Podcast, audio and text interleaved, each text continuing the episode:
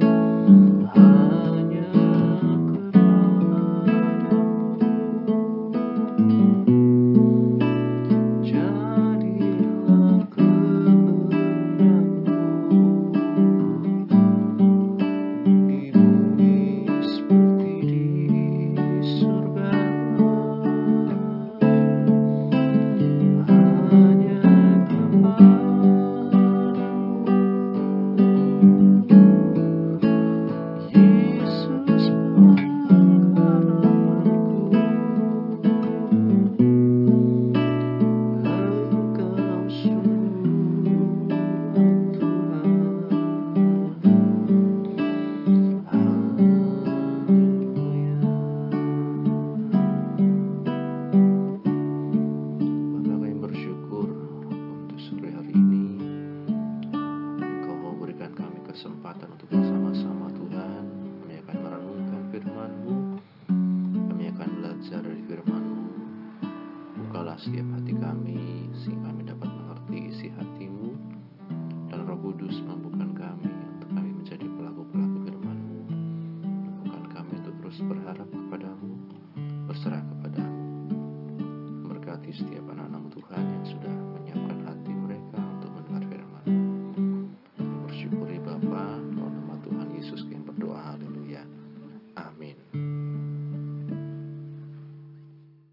Bapak Ibu Saudara sekalian, pada sore hari ini kita akan melanjutkan pembelajaran kita dari kitab Mazmur. Kita sampai pada Mazmur pasal yang ke-22. Mazmur pasal 22 akan saya bacakan mulai dari ayat pertama. Untuk pemimpin biduan menurut lagu Rusa di kala fajar. Mazmur Daud. Allahku, Allahku, mengapa engkau meninggalkan aku? Aku berseru, tetapi engkau tetap jauh dan tidak menolong aku. Allahku, aku berseru-seru kepada pada waktu siang, tetapi engkau tidak menjawab. Dan pada waktu malam, tetapi tidak juga aku tenang. Padahal engkaulah yang kudus, yang bersemayam di atas puji-pujian orang Israel. Kepadamu nenek moyang kami percaya. Mereka percaya dan engkau meluputkan mereka. Kepadamu mereka berseru-seru dan mereka terluput. Kepadamu mereka percaya dan mereka tidak mendapat malu. Amin. Berbahagia setiap kita yang baca, mendengar, dan yang melakukan firman Tuhan. Bapak Ibu Saudara sekalian, kalau kita baca ayat-ayat ini, tentu kita ingat bahwa Tuhan Yesus saat dia di kayu salib dia pernah mengucapkan ayat tersebut ya. Allahku, Allahku, mengapa engkau meninggalkan aku? Ya, Eli, Eli, lama sabah tani. Seringkali orang menganggap ya ayat ini dianggap sebagai satu keputusasaan, ya, satu kepasrahan, ya, satu uh, sikap yang sudah menyerah. Ya. Namun bagi bangsa Israel, Bapak Ibu Saudara sekalian, Mazmur 22 ini dapat dikatakan sebagai satu mazmur pengharapan. Ya.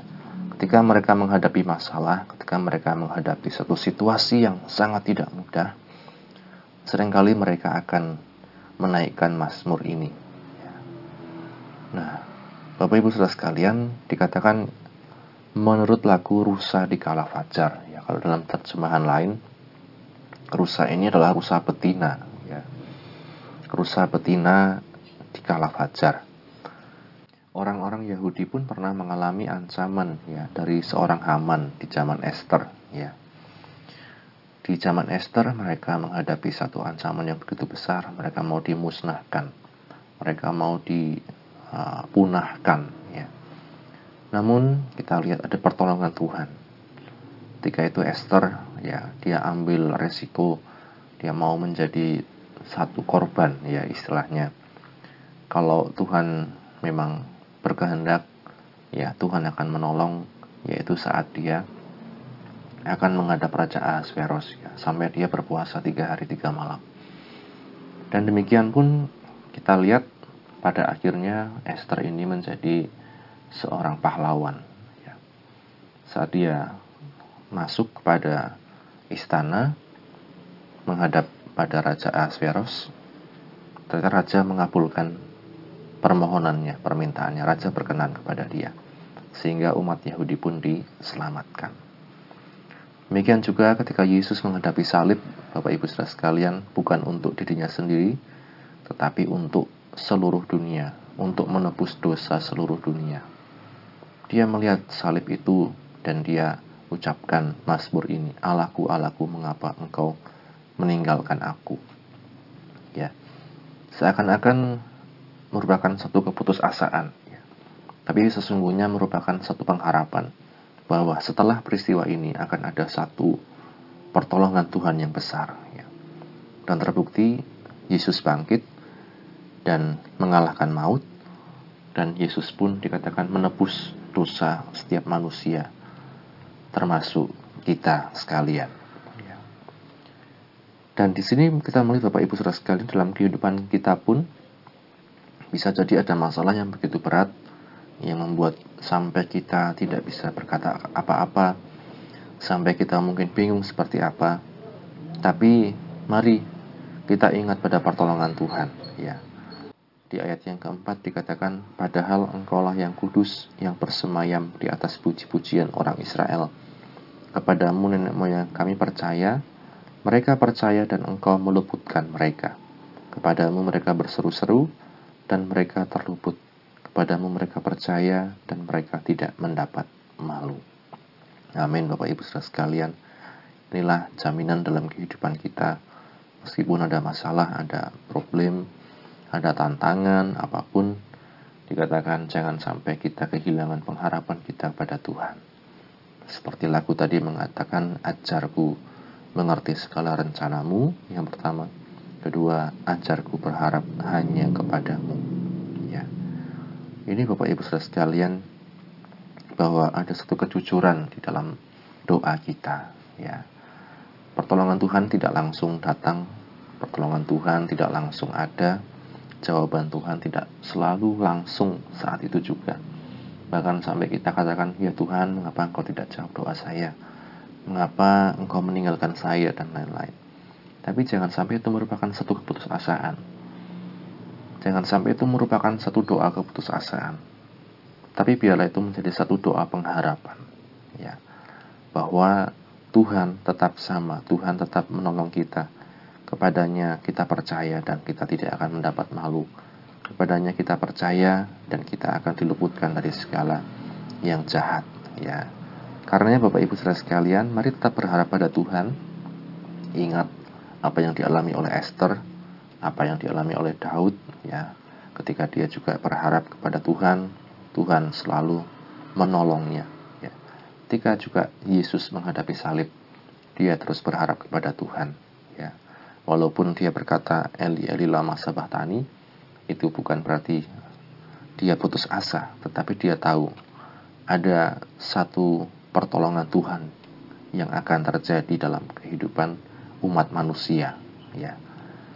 Ada satu pertolongan Tuhan yang akan menyelamatkan setiap kehidupan umat manusia melalui korban Kristus.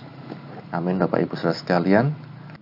Mari sama-sama kita berdoa Bapak kami bersyukur untuk firman-Mu yang telah kami baca dan kami dengarkan biarlah Engkau yang terus menerangkan dalam kehidupan kami ya Roh Kudus Engkau yang menancapkan Tuhan setiap firman itu dalam hati kami, pikiran kami.